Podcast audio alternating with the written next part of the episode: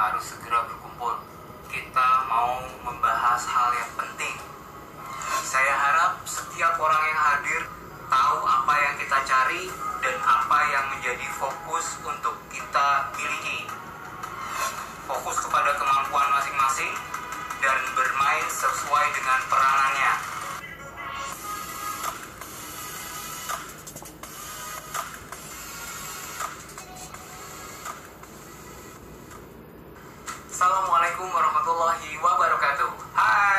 Sohib sekalian apa kabar hari ini Semoga semua dalam keadaan yang sehat walafiat Baik-baik saja tentunya Dan hari ini dengan situasi apa pun yang teman-teman sedang rasakan Gak ada salahnya kita untuk bersyukur Ayo kita ucapin rasa syukur kita kepada Tuhan ya Maha Esa Alhamdulillahirrahmanirrahim Ketemu lagi di channel Bang Gufron Mahendra Dan tentunya kita akan tetap membahas tentang apa? soft skill. Nah kali ini pengen ngebahas tentang apa sih? Hmm, di mana kalau hari ini kita ngebahas tentang sesuatu yang hmm, diperlukan sama banyak organisasi. Tentunya soft skill diperlukan di berbagai organisasi, perusahaan dan juga uh, apa namanya tempat-tempat beraktivitas lainnya gitu ya. Oke, okay, soft skill kali ini itu hubungannya erat banget dengan diperlukannya di organisasi-organisasi dan juga perusahaan-perusahaan. Hari ini kita akan ngebahas teamwork, kumpulan orang-orang yang bersinergi. Yeay, wow. Ah, banyak penontonnya 2 juta orang. Doa boleh dong ya. Oke, hari ini uh, barengan Gubernur Mahendra kita akan ngebahas tentang teamwork, teman-teman kerja sama tim. Gimana teamworknya hari ini? Akhir-akhir ini gimana teamworknya? Biasanya kayak gimana teamworknya? Ada kendala, ada masalah? atau baru aja ada yang sekarang ini lagi uh, baru aja ngebentuk yang namanya tim. Kita akan ngebahas di dalam tim kita tuh ada orang seperti apa aja. Terus kita juga akan ngebahas tentang bagaimana kita bisa mengamati bahwa tim kita sedang bertumbuh atau tidak. Jadi harapannya setelah materi ini selesai teman-teman bisa memahami tentang teamwork itu harus ada komponen apa saja. Dan uh, bagaimana kita melihat orang-orang di dalam tim kita dan kita juga bisa melihat tim kita tuh sedang di posisi mana bertumbuh stuck atau gimana gitu ya. Oke kita bahas kita mulai. Teamwork.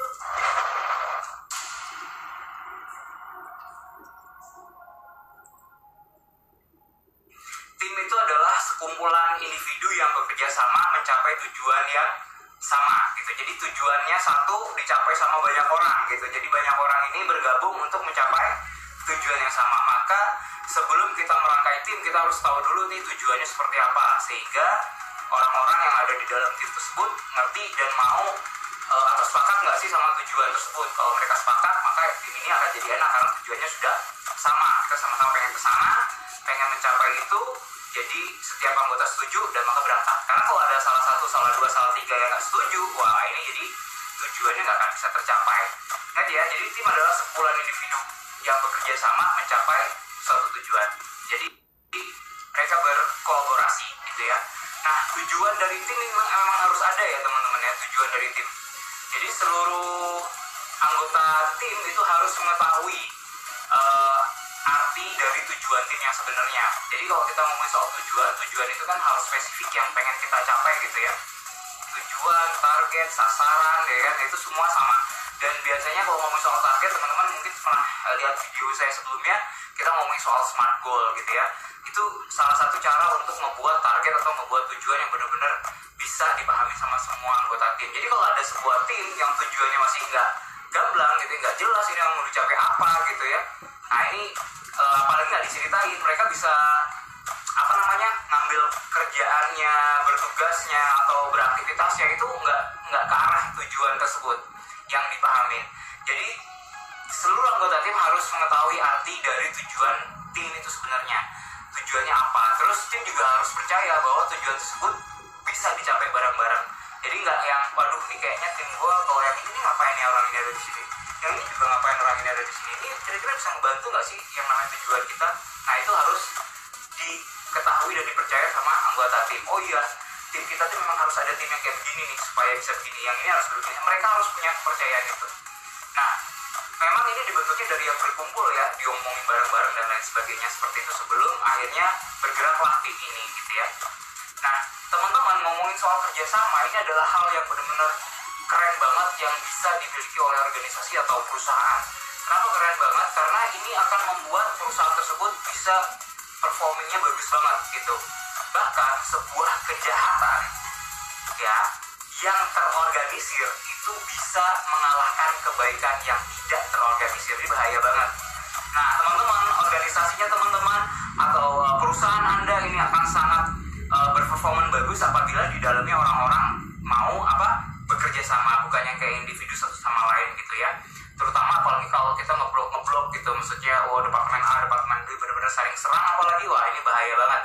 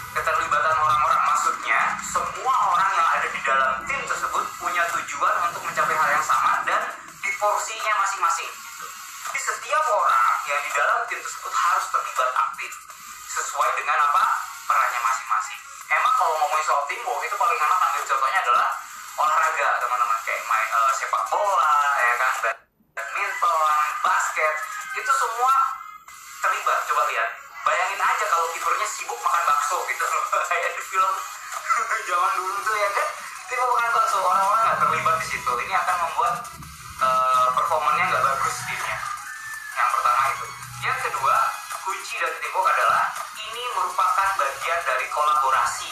Ya jadi memang kalau namanya kolaborasi kita ngambil contohnya lagi-lagi main bola main band ya. Bayangin kalau band satu band ada lima orang atau empat orang atau enam orang semuanya main drum. Nah ini kolaborasi yang macam mana ini? Ini bukan band berarti jadi uh, percussion band jadinya kayak begitu mungkin ya enggak? Jadi emang harus berkolaborasi orang-orangnya di dalam tim tersebut. Maksudnya kemampuannya bisa jadi berbeda-beda tapi memang dibutuhkan di dalam organisasi itu dan mereka akhirnya apa berkolaborasi. Kayak gear yang saling mengisi satu sama lain dan akhirnya membuat geraknya sesuai dengan yang diinginkan. Yang ketiga adalah punya tujuan yang sama seperti yang saya bahas tadi.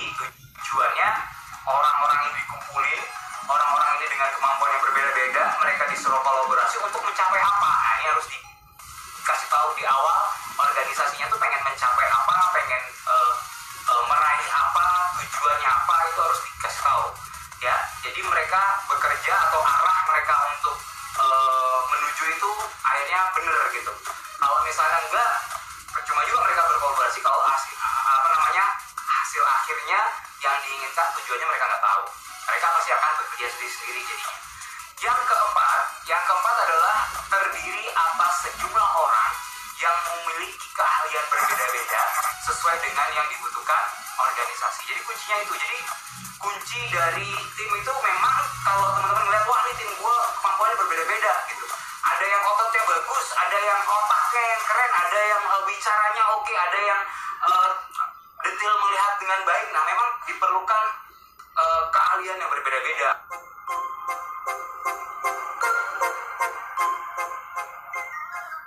Kita akan ngebahas tipikal-tipikal orang yang ada di dalam tim. Yang pertama, tipikal pekerja.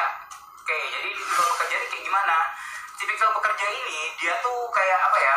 Hmm, dia tuh tahu gitu ke mana dia harus pergi dan apa yang boleh, apa yang enggak.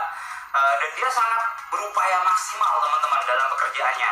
Dia ngambil tanggung jawab penuh dari apa yang dia kerjain dan uh, dia sangat membantu organisasi.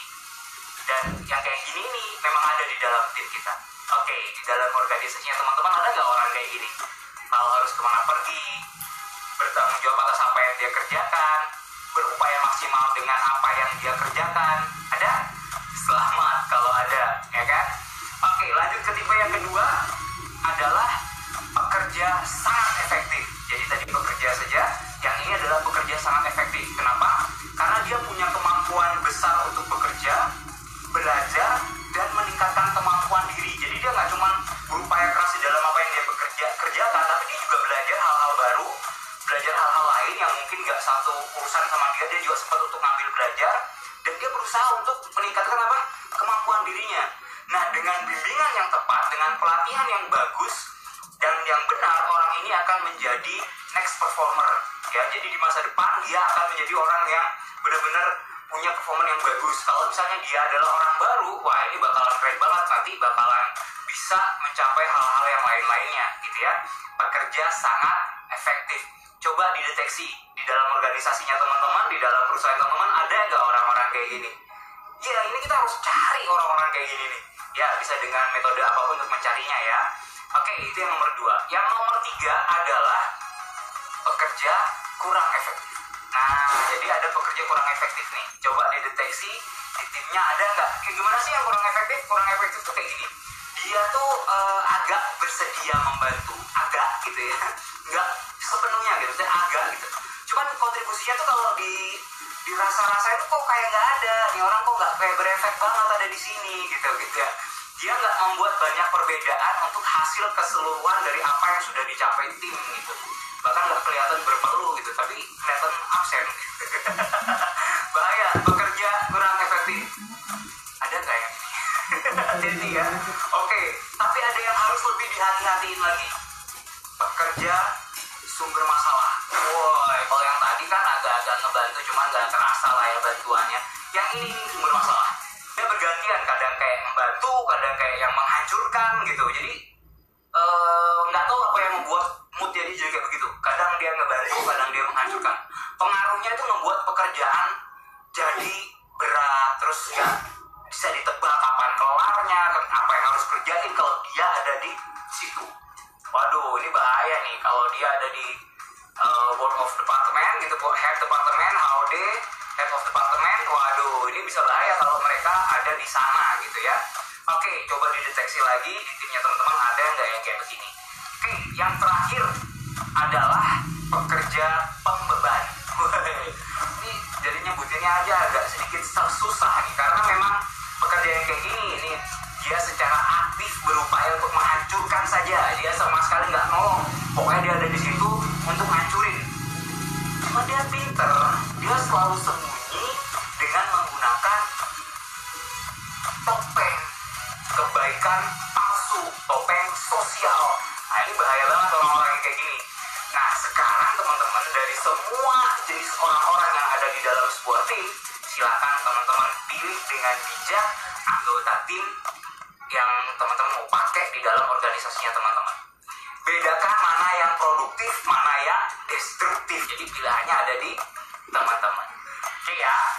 setelah kita berhasil memilih tim, kita sudah tahu kata kunci suksesnya sebuah tim, maka kita juga harus bisa melihat tim kita tuh berkembang atau stuck atau ke mana gitu.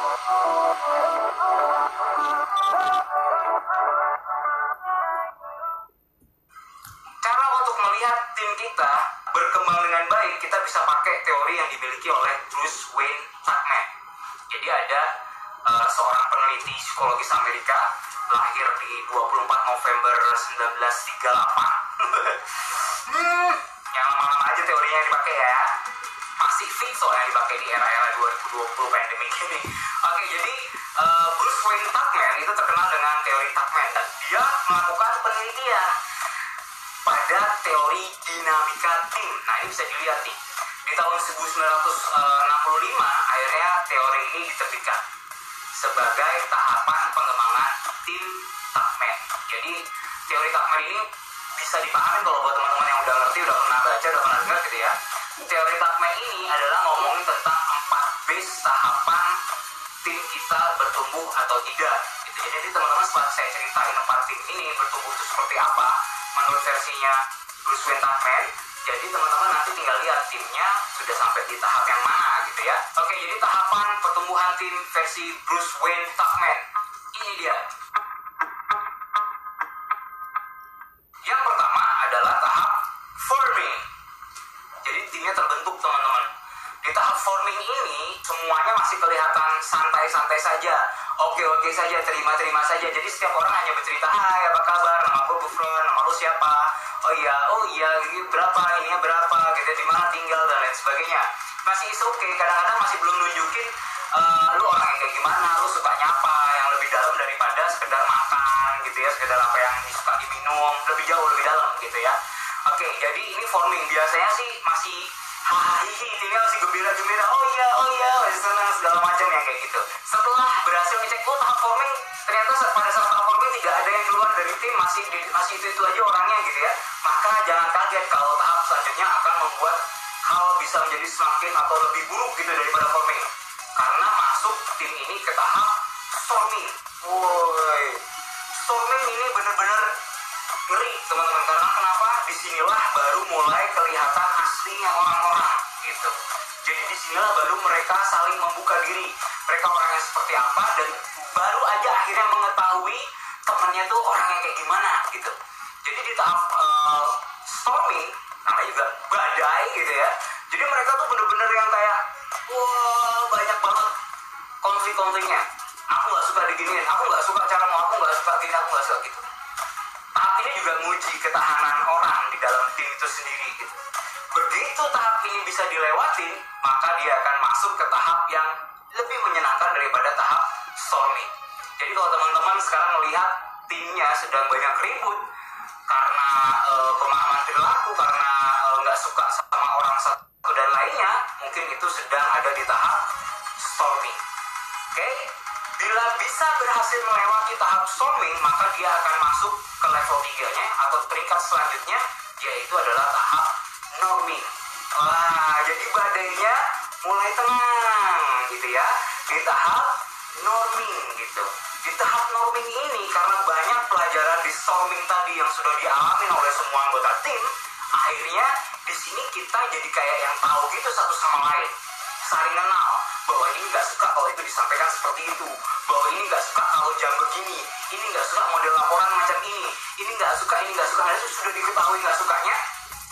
Coba kalau kita misalnya mengetahui ketidaksukaan seseorang pasti kita tidak akan mencoba menyentuh area yang tidak disukai itu nah ini norming begitu kita tahu perilaku orang-orang kayak gimana orang-orang gitu dan kita masih bertahan dan tim lainnya juga masih bertahan kalau sudah sampai di tahap norming ini akan menjadi suatu hal yang keren banget dan pekerjaan mulai bisa teratasi. Pekerjaan atau performa pekerjaan udah mulai bisa berjalan. Tidak tersendat-sendat seperti pada saat di storming tadi. Tapi yang paling tinggi selanjutnya yaitu adalah performing. Udah bisa show off sudah bisa pamer sudah bisa nunjukin ke orang-orang hey ini loh pencapaian gue target yang diberikan 100% bisa gue capai lebih dari 100% kalau yang tadi kita struggle di dalam tim sekarang kita sudah menunjukkan kepada orang yang di luar tim kita bagaimana performa kita. Tahapan yang kelima tambahan dari teori Bruce Tuckman ini yaitu adalah journey journey adalah tahapan mapan dan sukses teman-teman. Bahkan anggota tim ini udah mulai pecah. Mereka sekarang sudah bisa membuat timnya masing-masing sendiri-sendiri bisa mapan dan mereka membuat tim-tim baru. Artinya mereka bukan untuk jago diri sendiri tapi jagonya sudah membuat orang lain juga bisa ikutan jago. Kira-kira teman-teman tim kamu ada di level mana sekarang? Forming storming norming performing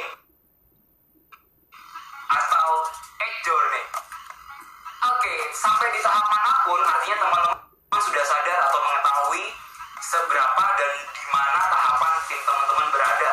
Dan itu hal yang bagus karena mungkin selama ini nggak pernah memonitor timnya udah sampai di tahap yang mana. Gimana kita mau ngembangin tim kita kalau kita sendiri nggak tahu sudah di level mana dia gitu ya. Oke okay, sudah gua share semua tentang teamwork hari ini kita sudah ngomongin soal definisi kita sudah ngomongin soal tujuan kita sudah ngomongin soal kunci teamwork kita sudah ngomongin soal mendeteksi orang-orang yang ada di dalam tim kita dan juga tahapan pertumbuhan dari tim kita. Itu aja dulu yang bisa gue bahas untuk timbuk kali ini. Terima kasih sudah menonton. Gue mohon maaf kalau misalnya ada salah-salah kata ya. Ketemuan lagi di channel Bang Gufron Mahendra selanjutnya. Video-video yang selanjutnya. Yang belum nonton video yang lainnya tonton semua videonya Jangan lupa ditonton sampai kelar biar kamu nggak nyasar. Google Mahendra pamit. Wassalamualaikum warahmatullahi wabarakatuh. Bye.